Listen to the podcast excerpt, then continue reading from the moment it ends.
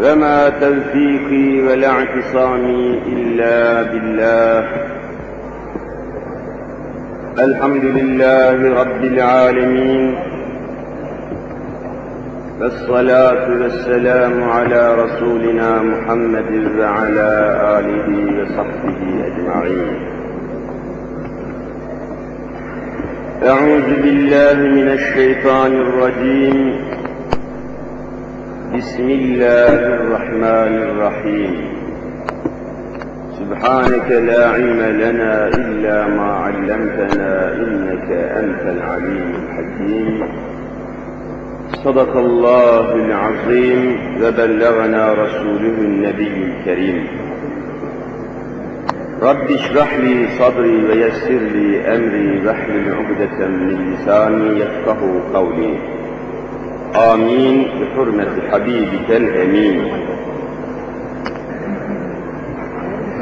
أما بعد فالأول الله والآخر الله والظاهر الله والباطن الله. فمن كان في قلبه الله فمعينه في الدارين الله. فمن كان في قلبه غير الله فخصمه في الدارين الله. لا إله إلا الله. هو الحق الملك المبين محمد رسول الله صادق الوعد Aziz müminler, asil Müslümanlar.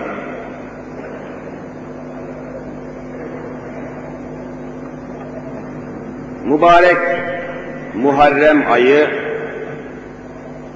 çıktı ve gelecek senenin müteakip Muharrem ayına kadar bütün bir sene, bütün bir devir halinde hicretin 15. asrına doğru gidişimizin ve girişimizin ifadesi olan bir sene olacak. 14. Hicri asrı tamamladık. Hani 1400. yıl doldu. Gelecek sene, gelecek sene Muharrem ayında 1401 olacak. Hicretin 1401. yılı olacak.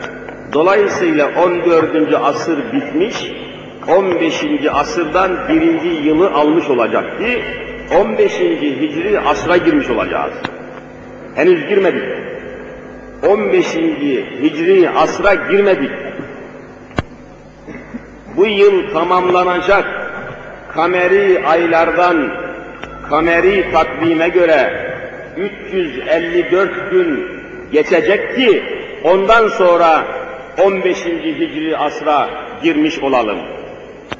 Bu itibarla bütün bu ayları önümüzdeki Muharrem ayına kadar gelecek ve geçecek olan zamanları, saatleri, saniyeleri İslam yolunda, Allah yolunda çok güzel değerlendirmiş olmazsanız Allah katında çok ağır bir vebalin altında kalacağınızı katiyen bilmenizi isterim.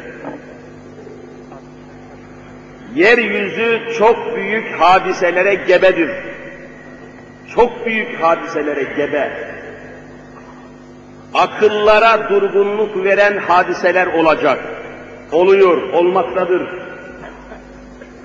Bunların içerisinde, yeryüzü insanlığının içerisinde Müslümanların pozisyonu, yapısı, tavrı, tutumu mutlak surette Kur'an'ın merceğiyle, Kur'an'ın rehberliğiyle toparlanması gereken bir topluluk olarak devam etmesi lazım. Müslümanın ayarı, miyarı, mizanı, hesabı, planı, programı, projesi, davası, derdi, düşüncesi, her şeyinin bütünü Hazreti Kur'an'ın içinde ve o Kur'an'ı tefsir eden Hazreti Muhammed Mustafa aleyhissalatu vesselamın sünneti içinde mevcut. Başka hiçbir kaynak, şu, bu aramak mümkün değil. Ve artık Müslümanların çalışmaları, gayretleri bütün gün ışığında ortaya çıkmalıdır. Müslümanın karanlık, kapalı, yer altında, şurada, burada faaliyeti mevzu bahis değildir. Görüyorsunuz yeryüzünde Müslümanlar müthiş bir diriliş ve uyanış içinde yeryüzüne ve yeryüzünün büyük devletleri durumunda olduğunu söyleyenlere karşı bir uyanış halindedirler.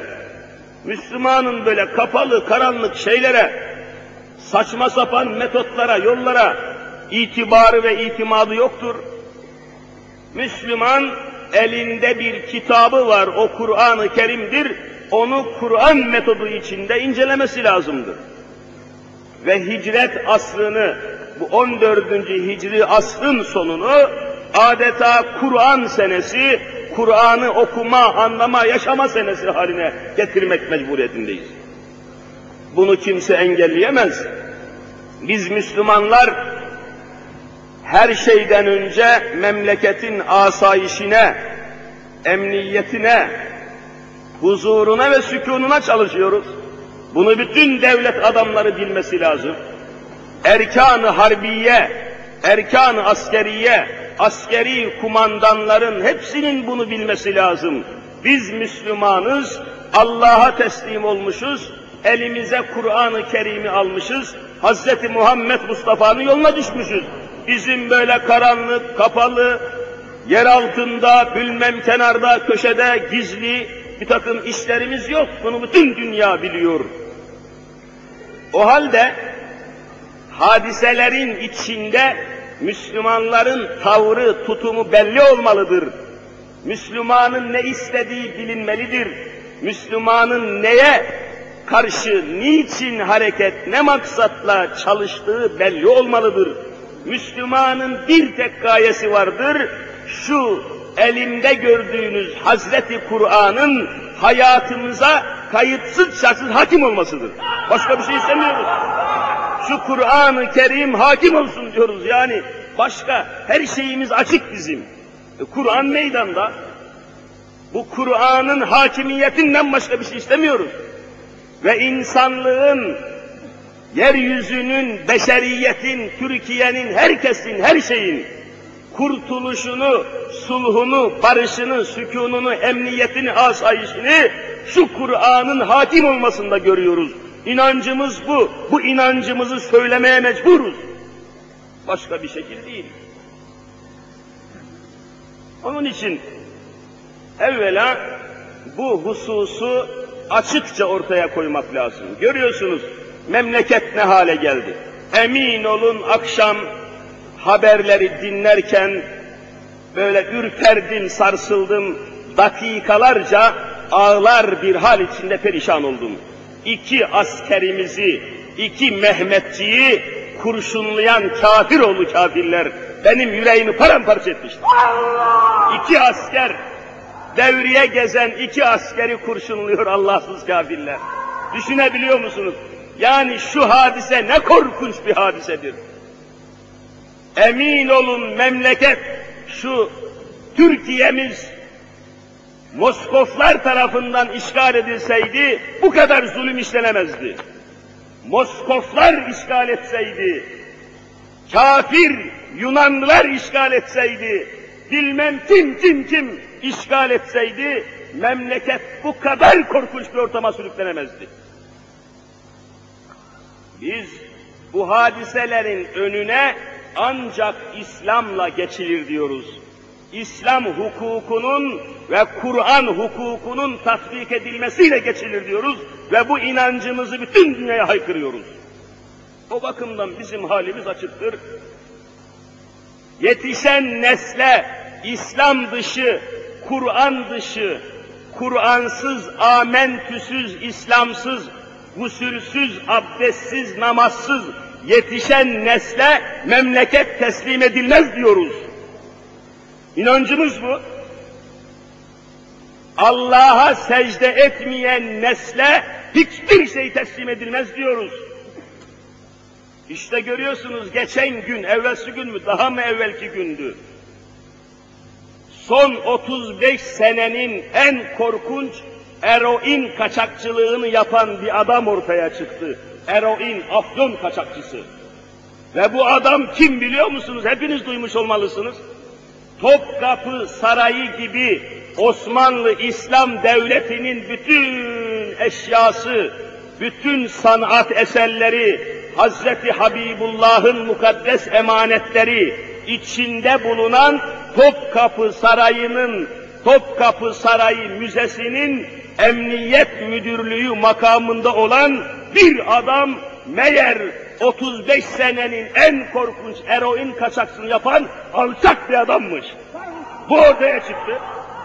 Düşünün yani imansız, Kur'ansız, abdestsiz, namazsız bir neslin eline neyi teslim etseniz satar, atar, yıkar, mahveder. Ve bizi bu inancımızdan kimse çeviremez. Biz diyoruz ki Kur'ansız, İslamsız, imansız, vicdansız, merhametsiz yetişen neslin eline hiçbir vazife verilemez, memleket teslim edilemez. O halde Müslümanların açık tavrı meydandadır.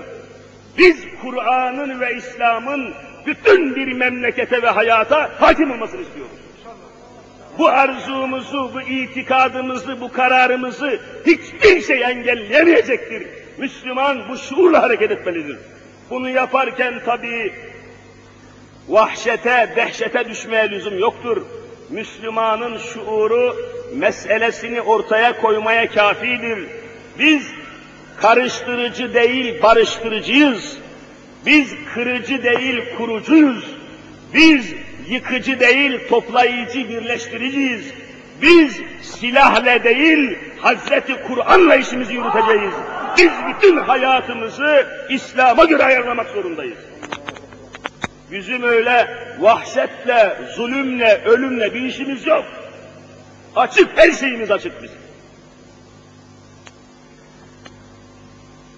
Bu gerçeği ifade ettikten sonra hicreti Muhammediye'nin yine mahiyeti üzerinde ve bize intikal eden, bize taalluk eden hususlarını tekrar görmeye devam edeceğiz. Aziz müminler, hicret, mütemadiyen söylediğimiz gibi, Müslümanlara bir yön, bir istikamet veren bir tecellidir. Müslümana yön veriyor. Hicret, mümin topluluklara, Müslüman cemaatlere yön veren bir şey. Yol veriyor, yön veriyor, istikamet veriyor. Dolayısıyla o istikamette toplaşan, birleşen Müslümanlar bir enerji ve bir kuvvet haline geliyorlar. Enerji, potansiyel bir gerilim, bir barajın belli bir noktasından akan suyun tazyiki nasıl ki bütün elektrik mekanizmasını temin ediyorsa, birleşen, toplaşan Müslümanlar hicret kanalından akıp gitmeye çalışırken İslam'ın en büyük gerilimi meydana geliyor. Basit bir misalle izah etmek mümkün olursa şunu söylemek lazım. Çoğunuz da tecrübe etmişsinizdir tahmin ederim. Hani şöyle bazı kimselerin gözlükleri ve gözlük camları ortası tümsektir, kalın bir gözlük camı. Yahut da küçük yazıları okumak için bir büyüteç, bir merge, mercek vardır böyle. Kalın bir cam, ortası tümsek bir cam. Adese deniyor, mercek deniyor vesaire. Bu tümsek camı, gözlük camını güneşin ışığına tuttuğunuz zaman şöyle güneşin ışığına tutuyorsunuz. Güneş ışıklarını güneşin ışınlarını topluyor, topluyor, o tümsek camın ortasından, fox noktasından, odak noktasından yani bir tek noktadan geçiriyor, bütün ışınlar, ışıklar birleşiyor, bir noktadan geçince camın altında kalan kağıdı, paçavrayı, kumaşı, tahtayı, her şeyi yakmaya başlıyor. Sebebi nedir? Dağınık durumda olan, karışık durumda olan güneşin ışınlarını toplayıp, tevhid tevcih edip, bir noktadan geçirdikten sonra ona isabet eden her şeyi yakmasının tecellisidir. İşte İslam tarihinde hicret de aynen bunun gibi bu hicret bir mercek gibi, bir tümsek cam gibi, ayna gibi güneşi topluyor, Müslümanları Allah'a iman eden pazarlıksız, tereddütsüz müminleri topluyor, hicretin adesesinden, hicretin odak noktasından, hicretin mercek noktasından geçiriyor, ondan öteye öyle bir enerji meydana geliyor ki, yeryüzünde küfür namına bir şey kalmıyor. Hicret, hadese. İşte ashab-ı kiram aynen böyle yaptılar, biliyorsunuz. Mekke-i Mükerreme'den çıktılar, hicret ettiler. O hicretin merceğinden geçtiler, geçtiler. Kısa zamanda, biliyorsunuz kısa zamanda toparlandılar, derhal toparlandılar, müthiş bir enerji, kuvvet, derinim meydana getirdiler. Tekrar büyük bir kuvvetle gelerek Mekke-i Mükerreme'yi kendilerini çıkaran müşriklerin, putperestlerin elinden Mekke'yi fethettiler, zapt ettiler, teslim aldılar ve orada bulunan putları, heykelleri, küfrü, şirki, dalaleti bir anda o merceğin yakışı gibi yaktılar, tahrip ettiler. Onun yerine İslam'ı ve İslam'ın devletini tahkim ettiler. Aynen bunun gibi. Hicret bu potansiyeli, bu tevcihi ve tevhidi ifade ettiği için oldukça önemlidir ve bu mevzu üzerinde çok durmak lazımdır. Şimdi İslam tarihinden Allah Resulü'nün aleyhissalatü vesselamın mücadele, bu husustaki mücadele metodundan ve hicretin de şu ifade etmeye çalıştığım enerji, karşısındaki küfrü yakıp mahveden bir enerji haline gelişini kısa bir misal ile, tarihi bir vaka ile izaha çalışayım. Biliyorsunuz hicretten kısa bir sene, kısa bir zaman sonra, kısa bir zaman sonra 1500 kadar Müslüman sahabe-i kiram Rıdvanullahi Teala aleyhim ecmain toplandılar. Allah Resulü'nün idaresinde, komutasında, emrinde Medine-i Münevvere'den çıktılar, Mekke-i Mükerreme'yi ziyarete geldiler. Gayeleri, maksatları Kâbetullah'ı ziyaret etmek idi. Hac mevsiminde değildi. Hac mevsiminin dışında Mekke'yi ziyarete, Kabe'yi ziyarete geliyorlardı.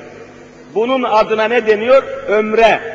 Ömre yapmak için Medine-i Münevvere'den Mekke'ye geliyorlar. Hudeybiye ismindeki mevkiye gelince, Hudeybiye isminde bir yer. Oraya geldikleri zaman Allah'ın Resulü aleyhissalatü vesselam Hazreti Osman'ı, Osman İbni Affan'ı Mekke'ye gizlice gönderdi. Casus olarak gönderdi. Ey Osman git bakalım Mekke'deki puta tapanların, kafirlerin tutumu, davranışı nasıl? Bizim bu gelişimizi nasıl karşılıyorlar, nasıl görüyorlar? Bir mukabele edecekler mi, mukatele edecekler mi? Bizimle çarpışmak niyetleri var mı? Git anla bize haber getir buyurdular. Hazreti Osman radıyallahu anh gitti.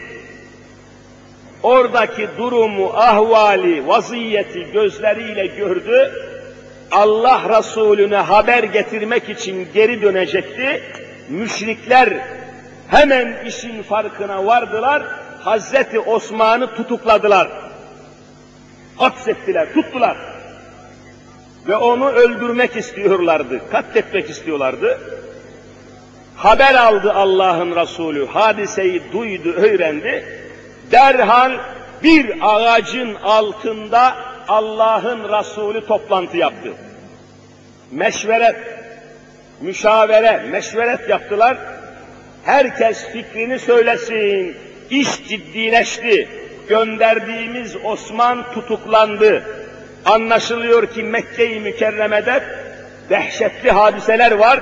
Ne yapalım, neye karar verelim?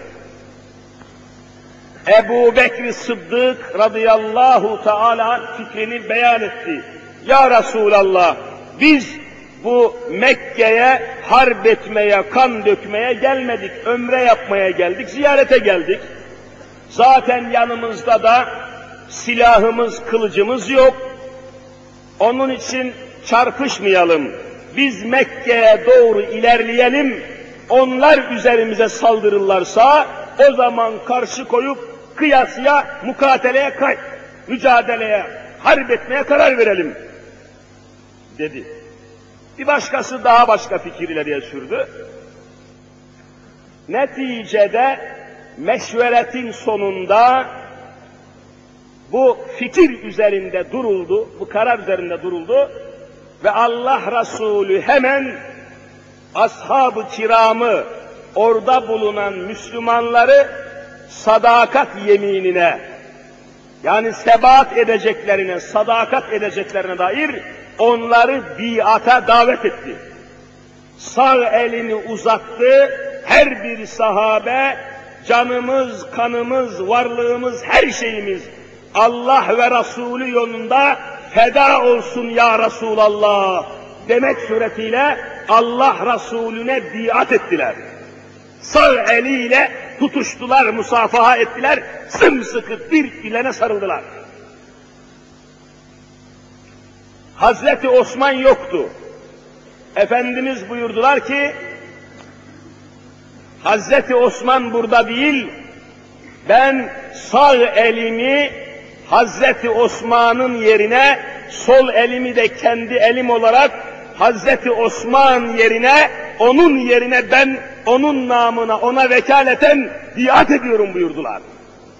Ve bizatihi onu da içtimaya, biate ortak ettiler. Ve bir anda bu toparlanma, bu ittifak, bu biat, bu sadakat, bu sebat, bu yemin etrafta dehşet uyandırdı. Mekke'ye haber ulaştı derhal. Peygamber sahabeyle beraber can cana, kan kana sadakat yemini etmişler üzerimize geliyorlar diye haber gidince Hazreti Osman'ı hemen serbest bıraktılar. Hazreti Osman'ı hemen serbest bırak. Hemen git dediler sen. Başımıza bir iş açılıyor galiba. Demek ki mümin kardeşlerim burada görüyorsunuz ki ehli küfrü, kafirleri yıldıran, kafirleri kahreden, mahveden en büyük hadise nedir? Müslümanların ittifakı ve birleşmesidir. Hadise bunu ortaya koyuyor. Müslümanlar birleştiği zaman hiçbir kafirin kalbinde Müslümana karşı dehşet yatamaz, korkudan başka bir şey bulunamaz. Müslüman birleştiği zaman. Zaten onlar da aynı silahı kullanmaya kalkıyorlar. Bakın şimdi 20. asır bitiyor. 21. asrın içine giriyoruz. Yeryüzündeki hadiseleri dikkatle takip edin göreceksiniz. Bir Müslüman milletin başına büyük belalar getirmek için Amerika'nın başkanı, Cumhurbaşkanı ne yaptı? Teker teker Avrupa ülkelerini gezdi, onları birliğe, beraberliğe ve beraberce Müslümanlara karşı koymaya onları davet etti. Bütünleşmeye çağırdı. Onlar da aynı silahla karşı koyuyorlar. Dikkat edin. Aynı şekilde Aynı şekilde Papa II. Can Paul'ün İstanbul'a ziyarete gelmesinin de maksadı buydu. Papa İstanbul'a geldiği zaman Yunan başpiskoposu Saraim ismindeki bir kafir, Yunan başpiskoposu, büyük papaz, Saraim isminde meşhur papaz bir demeç verdi. Demeç verdi, Yunanistan demeç verdi. Dedi ki, Müslümanlar yeniden uyanmaya, yeniden canlanmaya, yeniden şahlanmaya kalktılar. Ben bundan endişe duyuyorum. Ne kadar haça, ne kadar İsa'ya tapanlar varsa hepsi birleşmeli, yeryüzünden Müslümanların kökünü kazımalıyız dedi. O beyanat bende aynen var gazetelere geçmiş. Yeryüzündeki Hristiyanlar Katolik mezhebi, Ortodoks mezhebi, Protestan mezhebi derhal birleşmelidir diye müthiş bir demeç verdi. Sarayim ismindeki Yunan başpiskoposu. Birleşmeye çağırıyorlar. Demek ki ittifak edince küfür çözülüyor. Bakın Hazreti Osman'ı hemen serbest bıraktılar. Ve arkasından da Hazreti Peygamberle musalaha yani anlaşma, sulh yapmak için, barış imzalamak için bir heyet gönderdiler. Süheyl ismindeki müthiş bir adamın başkanlığında bir heyet gönderdiler. Allah Resulü ile oturdular, bir muahede, musalaha veya bir anlaşma imzaladılar. Hadiseyi uzatmayacağım. Birçok maddeler vardı anlaşmanın içerisinde. Hudeybiye Antlaşması. Bu maddelerin içerisinde sahabe-i kiramın en çok zoruna giden iki madde vardı. Dikkat! İki madde. Bir tanesi o geldikleri sene Mekke'yi ziyaret etmeyecekler. Kabe'yi ziyaret etmeyecekler, geri dönecekler, gelecek sene ziyarete geleceklerdi. O kadar yol yürümüşler, gelmişler, ziyareti bu sene yapmayacaksınız, gelecek sene yapacaksınız diye şart koştular. Allah'ın Resulü bu şartı kabul edince sahabe-i kiram çok melul bir hal aldı. Ağır geldi onlara. Fakat netice bambaşka oldu. İkinci bir madde vardı Hudeybiye anlaşmasında, o anlattığım hadisede. Bunlardan bu madde şöyleydi. Mekke-i Mükerreme'de henüz hicret edememiş fakat gizlice Müslüman olmuş kimseler iman sebebiyle Mekke'den çıkar kaçar da Medine'ye Allah'ın Resulüne gelirse Allah Resulü o Müslümanı Mekke'ye, Mekke-i Mükerreme iade edeceklerdi. Fakat Medine'den birisi Mekke'ye gelirse Mekkeli kafirler o Medineliyi iade etmeyeceklerdi. Bu madde de çok ağırlarına gitti Müslümanlar. Çok ağır geldi bu madde.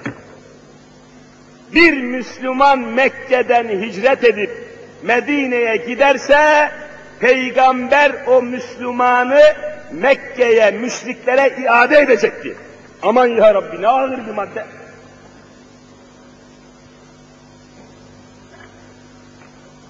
Netice bu madde üzerinde Kureyş'in kafirleri ısrar ettiler. İlla bu madde olmazsa muahedeyi bozuyoruz dediler. Allah Resulü kabul etti. Anlaşma imzalandı. Hadise çok geniş. İslam tarihinde en mühim hadiselerden birisi de budur. Hudeybiye anlaşmasıdır. Keşke okusanız, keşke görseniz, keşke dilik dilik hadise inceleseniz nelerle karşılaşacaksınız. Burada anlatmakla bitirmek mümkün değil. İmzalandı. Sahabe-i kiram ve Efendimiz Aleyhisselatü Vesselam oradan Medine'ye geri döndüler.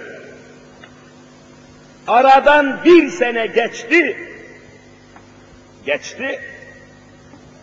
Mekke-i Mükerreme'de Ebu Basir isminde mübarek bir sahabi, Ebu Basir, kahraman bir adam. Fırsatını buldu, mücadele etti, çalıştı, çırpındı.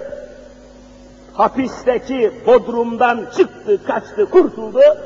Tek başına bin bir mücadele vermek suretiyle doğru Medine-i Münevvere'ye gelip geldim ya Resulallah dedi. Geldim sana ya Resulallah. Daha bu noktada görüşme safhasındayken Mekkeli kafirler iki tane memur gönderdiler. Gidin Ebu Basir'i anlaşmanın gereği olarak alın geriye getirin dediler. İki tane atlı kafir geldi. Dediler ki ya Muhammed aleyhissalatü vesselam. Onlar peygamber kabul etmiyor tabi. Anlaşmanın icabına göre, muahedenin maddesine göre bizden Ebu Basir kaçtı size geldi. Bunu bize iade edeceksiniz dediler. Efendimiz de muahede şartlarına riayet etmek mecburiyetinde kalarak Ebu Basir'i onlara iade etti. Ebu Basir öyle ağlamaya başladı ki Ya Resulallah beni ölüme ve kafirlere iade mi ediyorsun dediler. Sabret ey Ebu Basir sabret Allah sana kurtuluşu mutlak verecektir buyurdular. Ve Ebu Basir o iki Mekkeli kafir memurla beraber geriye döndüler. Çölün ortasına gelmişlerdi ki Ebu Basir Mekke'ye katiyen öldürülmeye gidiyordu. İdama gidiyordu tabi. Nefsini müdafaa için Allah'ım bana yardım et diye kıyasıya bir kavgaya girişti. O iki memurdan birisini kellesini kesip imha eyledi. İki atlıdan birisini öldürdü, öbür tanesi de kaçtı canını kurtardı. Ebu Basir yoldan geri döndü. Ya Resulallah anlaşmanın şartı yerine geldi sen beni iade ettin. Ben de canımı kurtardım tekrar geldim ya Resulallah buyurdular. Fakat yine hemen görüşme bitmeden o ikinci atlı memur arkasından geldi. Geldi. Yine bunu geri götüreceğim dedi. Geri götürmeye geldim deyince Efendimiz'e karşı Ebu Basir en ufak bir tereddüt ve saygısızlık etmeden Ya Resulallah beni oraya öldürmeye götürüyorlar. Ben İslam'ın cihadına çıkmış bir insanım deyince Efendimiz buyurdu ki öyleyse Medine'de anlaşmanın şartı, icabı Medine'de kalmayacaksın. Fakat istediğin yere gidebilirsin ya Ebu Basir buyurdular. İstediğin yere gidebilirsin. Ebu Basir tek başına Mekke'ye gitmedi tabi, gidemezdi, öldüreceklerdi. Medine'de de kalamazdı, anlaşmanın şartı meydandaydı. Gitti, Mekke ile Şam yolunun üzerinde bir köye, böyle basit, hiç kimsenin bulunmadığı bir köşeye, bir köye indi, oraya yerleşti. Bu köyün adı İz köyüydü. Mekke ile Şam arasında. Kureyşli kafirlerin ticaret kervanları da buradan geçiyordu. Şam'a giden Kureyşli tüccarların döndüğü yolun üzerindeydi bu kasaba, bu köy. Ebu Basir oraya yerleşti, orada çalışmaya başladı, oraya hicret etti, ölüme gitmedi, orada kalmadı, azmini kırmadı, iradesini bozmadı, hiçbir şeyden çekinmedi. İz köyünde çalışmaya başladı. Kısa zamanda Mekke-i Mükerreme'de gizli gizli Müslüman olup da ortaya çıkamayanlar, bu anlaşmanın icabına göre Medine'ye hicret edemeyenler ve kenarda köşede kalmış ne kadar Müslüman varsa Ebu Basir'i işittiler, duydular, hepsi birden gelip onun başında toplamaya başladılar. Kısa zamanda Ebu Basir'in başında, yanında, yakınında 300 tane silahlı Müslüman bir araya geldiler. Birdenbire bir kuvvet meydana getirdiler. Aynen bir mercek gibi görüyor musunuz? Aynen bir gözlük camının güneş ışınlarını toplaması gibi. 300 kişi oldular ve birdenbire bir kuvvet meydana getirdiler. Mekkeli kafirlerin Şam'dan dönen ticaret kervanlarını yakalamaya başladılar. Kureyş'in kafirleri dehşete düştüler. Derhal peygambere bir heyet gönderdiler. Aman dediler vaziyet çok değişti. Bizim ısrarla koyduğumuz bir madde vardı. Mekke'den Medine'ye gelen olursa geri gönderecektiniz. Bu maddeyi kaldırın iptal edin dediler. Hepsi Mek bunların hepsini Mekke'ye kabul edin, Medine'ye kabul edin dediler.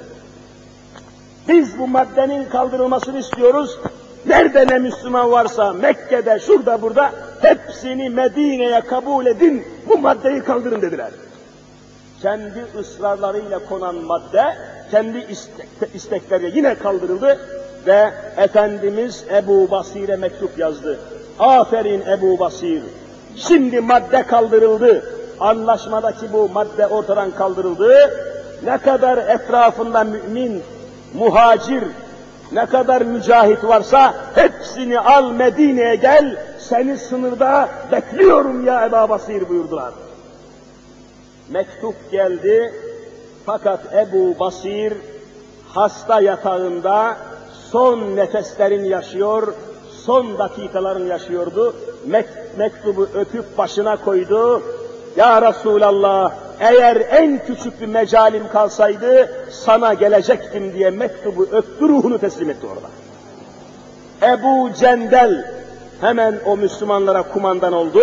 Bütün müminleri toplayarak Medine'ye iltihak etti. Kısa zamanda bütün hadiseler İslam'ın lehine tecelli etti ve ondan hemen sonra bir toplanma, bir kuvvetlenme bir enerjiyle Mekke-i Mükerreme'yi gelip hiçbir silah kullanmadan gayet rahat bir şekilde puta tapanlardan Mekke'yi teslim alıp orayı da İslam'ın devletine mahkum ettiler. Hadiseye bak. Demek ki hicret toplanmayı, birleşmeyi ve bütünleşmeyi ortaya koyan bir hadisedir. Hicret tevhidi ve bir nokta etrafında toparlanmayı gerektiriyor. Ne kadar mühim bir hadise. Bu nokta ihmal edildiği içindir ki alemi İslam'ın başına daha birçok musibetlerin geleceğinden korkuyorum. Ehli küfür buna çok çalışmışlar. Müslümanların ittifakını, Müslümanların birleşmesini, Müslümanların bir araya gelmesini önlemek için, mani olmak için o kadar geniş tedbirler almışlar, yollar bulmuşlar, o kadar ajanlar, casuslar, filozoflar kullanmışlar ki insanın aklı duruyor hadise karşısında. Hatta o kadar meseleyi ileriye götürmüşler ve muvaffak olmuşlar ki üst seviyede Müslüman münevverler şöyle kalsın, alt tabakaya kadar bu parçalanmayı, bu nifakı sokmuşlar, alt tabaka.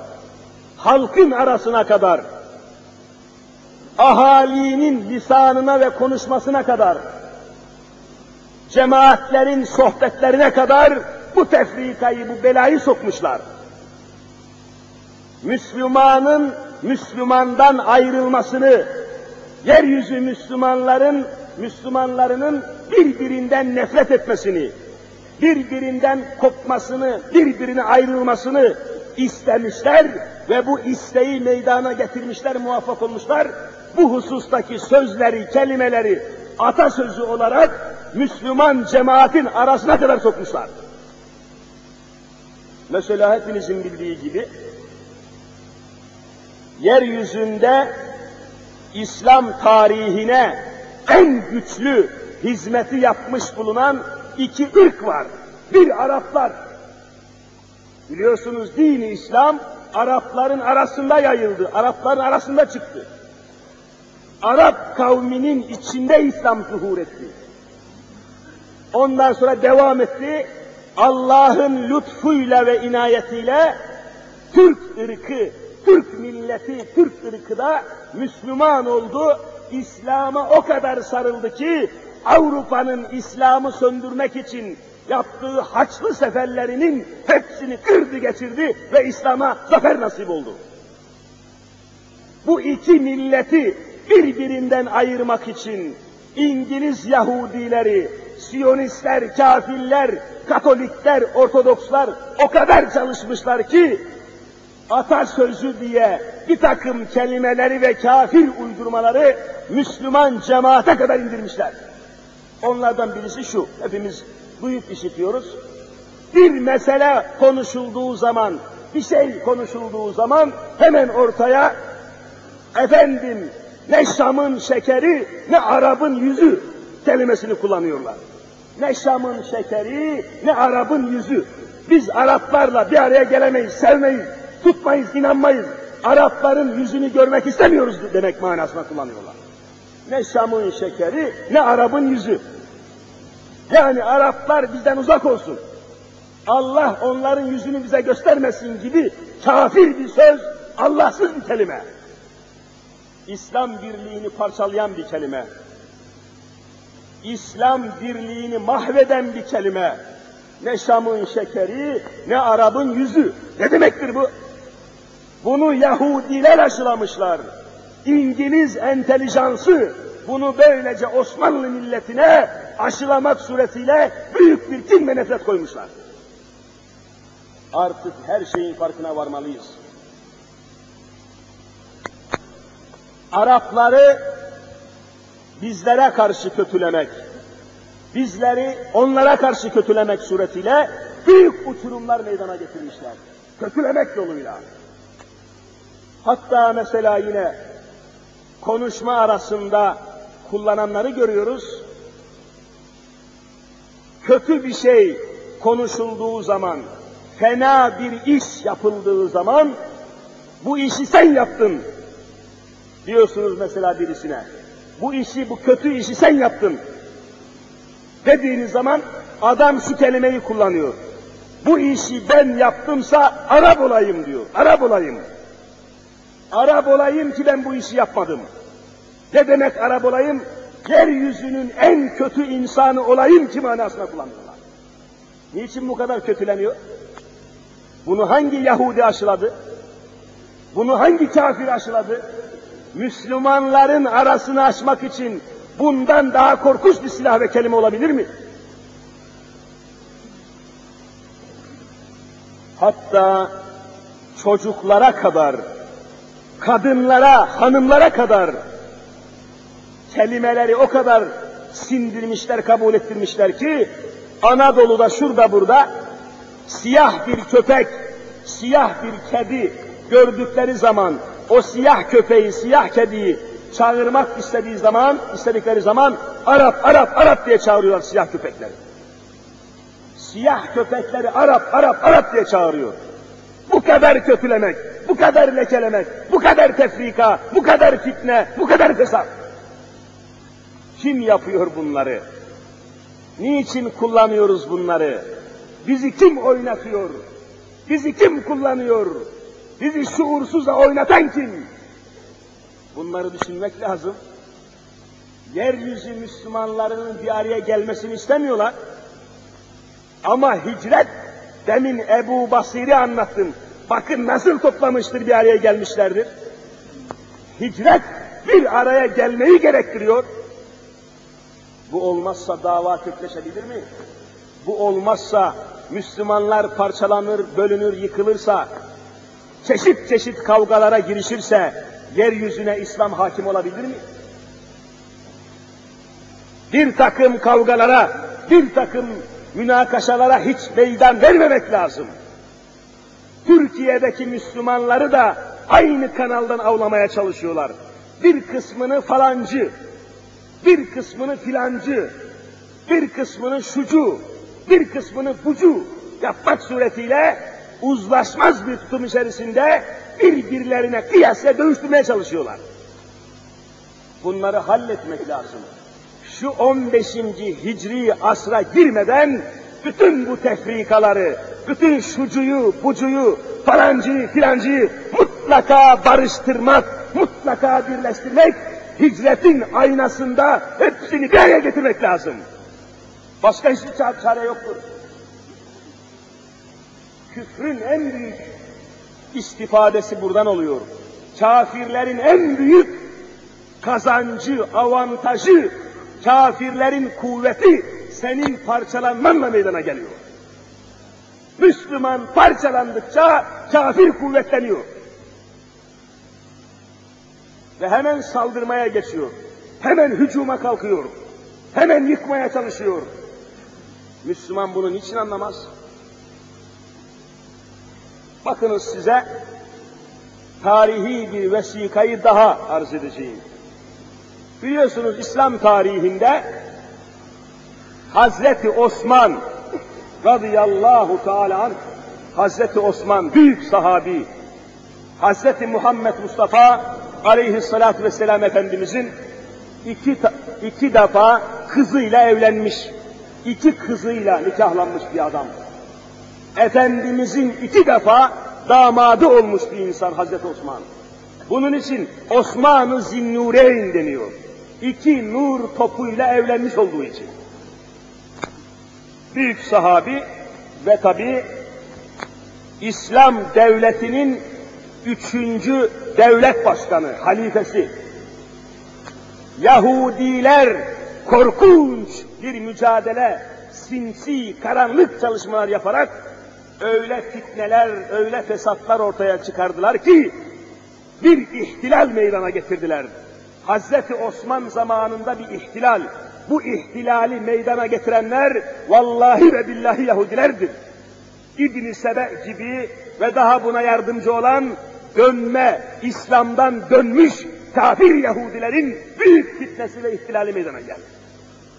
Hazreti Osman şehit edildi biliyorsunuz. Hazreti Osman şehit edildi.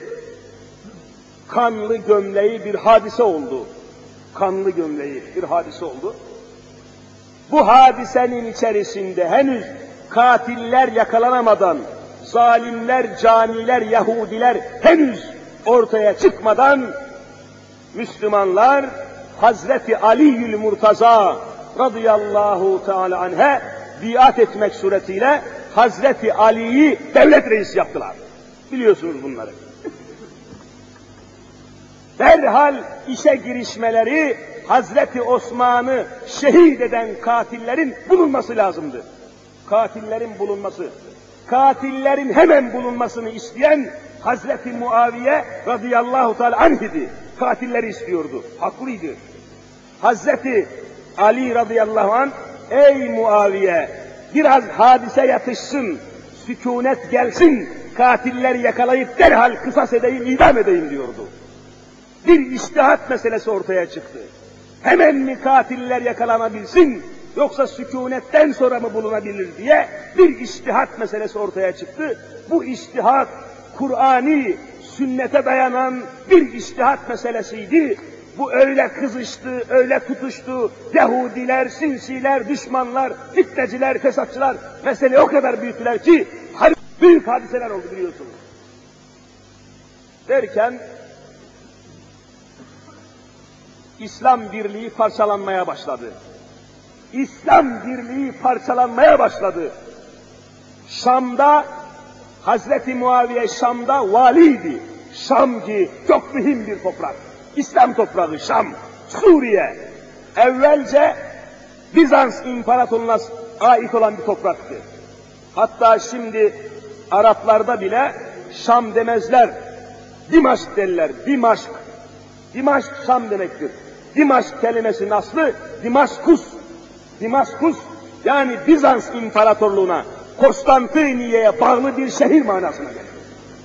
Dimaskus, Dimaşk, Şam.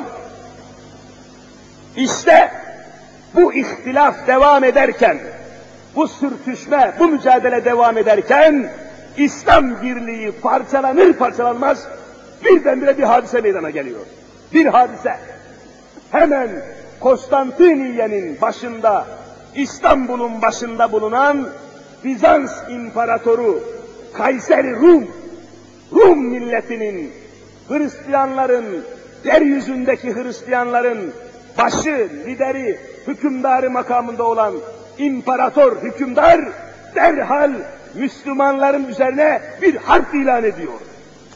Parçalandılar ya, birlik sarsıldı, beraberlik bozuldu. Şimdi onları yenebiliriz, Şimdi onları imha edebiliriz. Şimdi onları mahvedebiliriz. Şam'ı, Dimaşk'ı geriye alabiliriz diye birdenbire Bizans İmparatoru Kaiser Rum hemen bir ordu hazırlıyor, askeri bir harekata başlıyor. O Müslümanları yenmenin zamanıdır diyor. Niye? Parçalandı çünkü. Bu hadiseyi imparatorun, Bizans imparatorunun, Kayseri Rum'un askeri bir harekata giriştiğini ve Müslümanlara Şam'ın üzerine bir harp ilan etmek istediğini işitir işitmez Hazreti Muaviye Kayseri Rum'a, Rum hükümdarına derhal şu mektubu yazıyor. Bu mektup bütün kitaplarda var. İslam tarihiyle alakalı bütün kitaplarda bu mektup yer almış. O mektubu size aynen okuyacağım şimdi. Şu dehşete bakınız. İslam ittifakının ne demek olduğunu, Müslümanların parçalanıp bölünmesinin ne büyük felaket olduğunu ifade eden bir mektubu size arz edeceğim.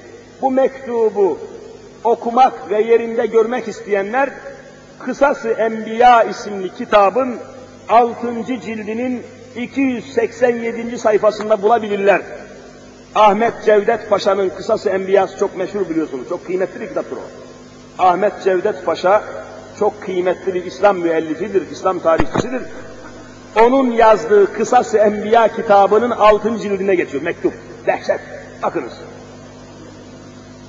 Rum imparatorunun, Rum hükümdarının Suriye'ye, Şam'a askeri bir harekata giriştiğini öğrenir öğrenmez Şam valisi olan Hazreti Muaviye aynı şu mektubu yazıyor.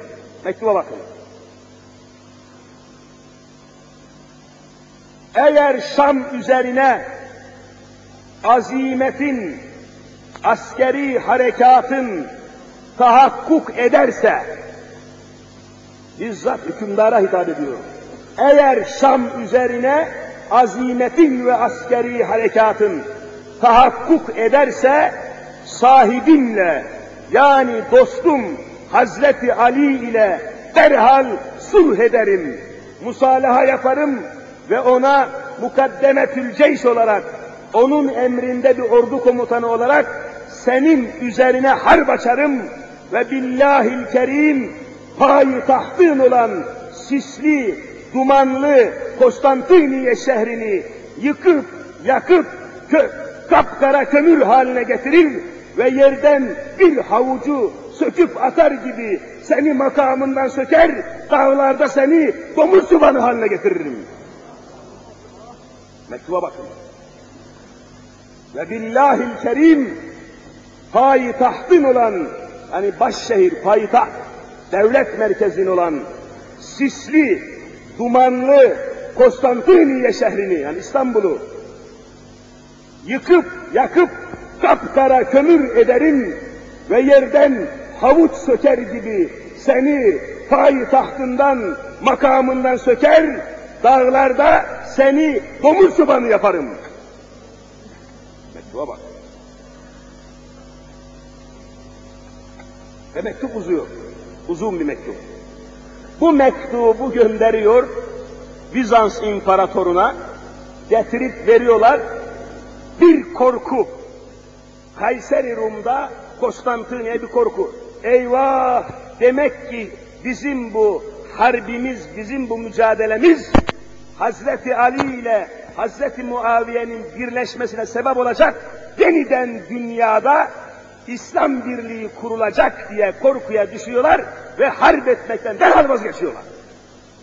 İttifaktan. Aman Müslümanlar parçalansın, birbirini yesin, birbiriyle çekişsin, dövüşsün de biz bir şey istemiyoruz diyorlar. Şu tarihi hadiseye bak. İşte tarihten ibret almaya mecburuz. Yeryüzü Müslümanları eğer Kur'an etrafında birleşmezlerse hiçbir Müslümana hakkı hayat tanımayacaklar. Çok mühim bir noktadayız. Onun için Müslüman kardeşlerime ısrarla şu hicri asırda rica ediyorum Allah aşkına yalvarıyorum Birbirinizle çekişmeyin. Falancıysa falancı, filancıysa filancı, onlarla hüsnü sohbetle, hüsnü tedbir ile, hüsnü kelam ile, hüsnü kabul ile onlarla konuşun, birleşin, görüşün, onları çekmeye, barıştırmaya, birleştirmeye çalışın. Birbirinizi kırmayın, kesmeyin, dökmeyin, birbirinize mücadele etmeyin. Yoksa sonuca varamayız vallahi. İmkan yok. Bir ölçü içinde şu Kur'an-ı Kerim'e hiçbirisinin itirazı yoktur. Onun için Kur'an etrafında, Kur'an'ın hükmü etrafında birleşmeye çalışın ve birbirimizi bu noktada mutlaka çalışmaya teşvik etmek lazım yani. Çok mühim bir noktadayız. Hicretin Müslümanları toplayıcı, birleştirici ve bir nokta etrafında mercek gibi güneşin ışınlarını toplayıp da yakıcı bir enerjiye çeviren bir mercek gibi mahiyet olduğunu arz etmiş olduk. O halde aziz ve asil kardeşlerim, böylece böylece hicret hadisesine her yönden bakmaya çalıştık. Her açıdan bakmaya çalıştık ve hicreti çeşit çeşit izahlarla, tefsirlerle, hadiselerle açıklamaya devam ettik. İnşallah gelecek hafta bir başka mevzu ile, bir başka meseleyle huzurunuza çıkacağız. Ama yer yer hicrete de, yer yer hicret konusuna da mutlaka temas edeceğiz. Bu itibarla gayretlerimizi kesmeden devam ettirelim. Kanunsuz yollara, efendim asayişi bozucu yollara, tehlikeli yollara ve tehditli, hiçbir fayda getirmeyen yollara kaymadan müşterek çalışmalarımızı devam ettirelim. Ve camiden çıkarken de yine rica edeyim, sükunetle, sabırla, efendilikle, gayet tatlılıkla çıkınız. Dışarıda gürültüye patır diye meydan vermeyiniz. Kapılarda gazete mecmua satan kardeşlerinden yine rica ediyorum. Kapılarda izdiham meydana getirmesinler. Bağırmayıp çağırmasınlar. Sükunetle bu işin halline, devamına karar versinler. İnşaallahu Teala elimizden tutup bize mutlak yardım edecektir. Dışarıya çıkarken de müezzin kardeşlerimizin camiyle görevli kardeşlerimizin sizlere yardım talebinde bulunacaklar. Caminin bir hayli eksikleri, noksanları, temizlik işleri, bir sürü noksanları ile uğraşıyorlar. Yardımcı olmanızı, makbuz mukabil yardım etmenizi ısrarla rica ediyorlar. Gerekeni yapınız, camimizi yardımsız, sahipsiz bırakmayınız. Hazreti Allah cümlenizden razı olsun inşallah. Amin. Haftaya devam etmek üzere. Ya Rabbi günahlarımızı affeyle. Amin. Ya Rabbi kusurlarımızı mağfiret eyle. Amin. Ya Rabbi huzuruna topladın kulluğuna kabul eyle. Amin. Ya Rabbi her nefesimizde kelime-i şehadet ki buyurun. Eşhedü en la ilahe illallah ve eşhedü enne Muhammeden abduhu ve rasulü diyerek bu imanla, bu ikrarla huzuruna cümlemizi kabul eyle. Amin. Uzaktan yakından gelerek kadın, erkek, genç, ihtiyar, şurada toplaşan, bekleşen, vaaz nasihata kulaklarını verip bu yolda devam etmeye karar veren şu mümin kardeşlerimi şefaat-ı Mustafa'ya mazhar eyle ya Rabbi. Amin. Üzerimizdeki her çeşit musibetleri, felaketleri, hasetleri, fesatları, şeytanları, şehvetleri, içimizdeki ve dışımızdaki düşmanların tahribatını def-ü refeyle ya Rabbi. Amin. Alemi İslam'a zafer nasip eyle ya Rabbi. Amin. Şu Kur'an-ı Kerim'e hakimiyet nasip eyle ya Rabbi. Yeryüzünü Kur'an-ı Kerim'e mahkum eyle ya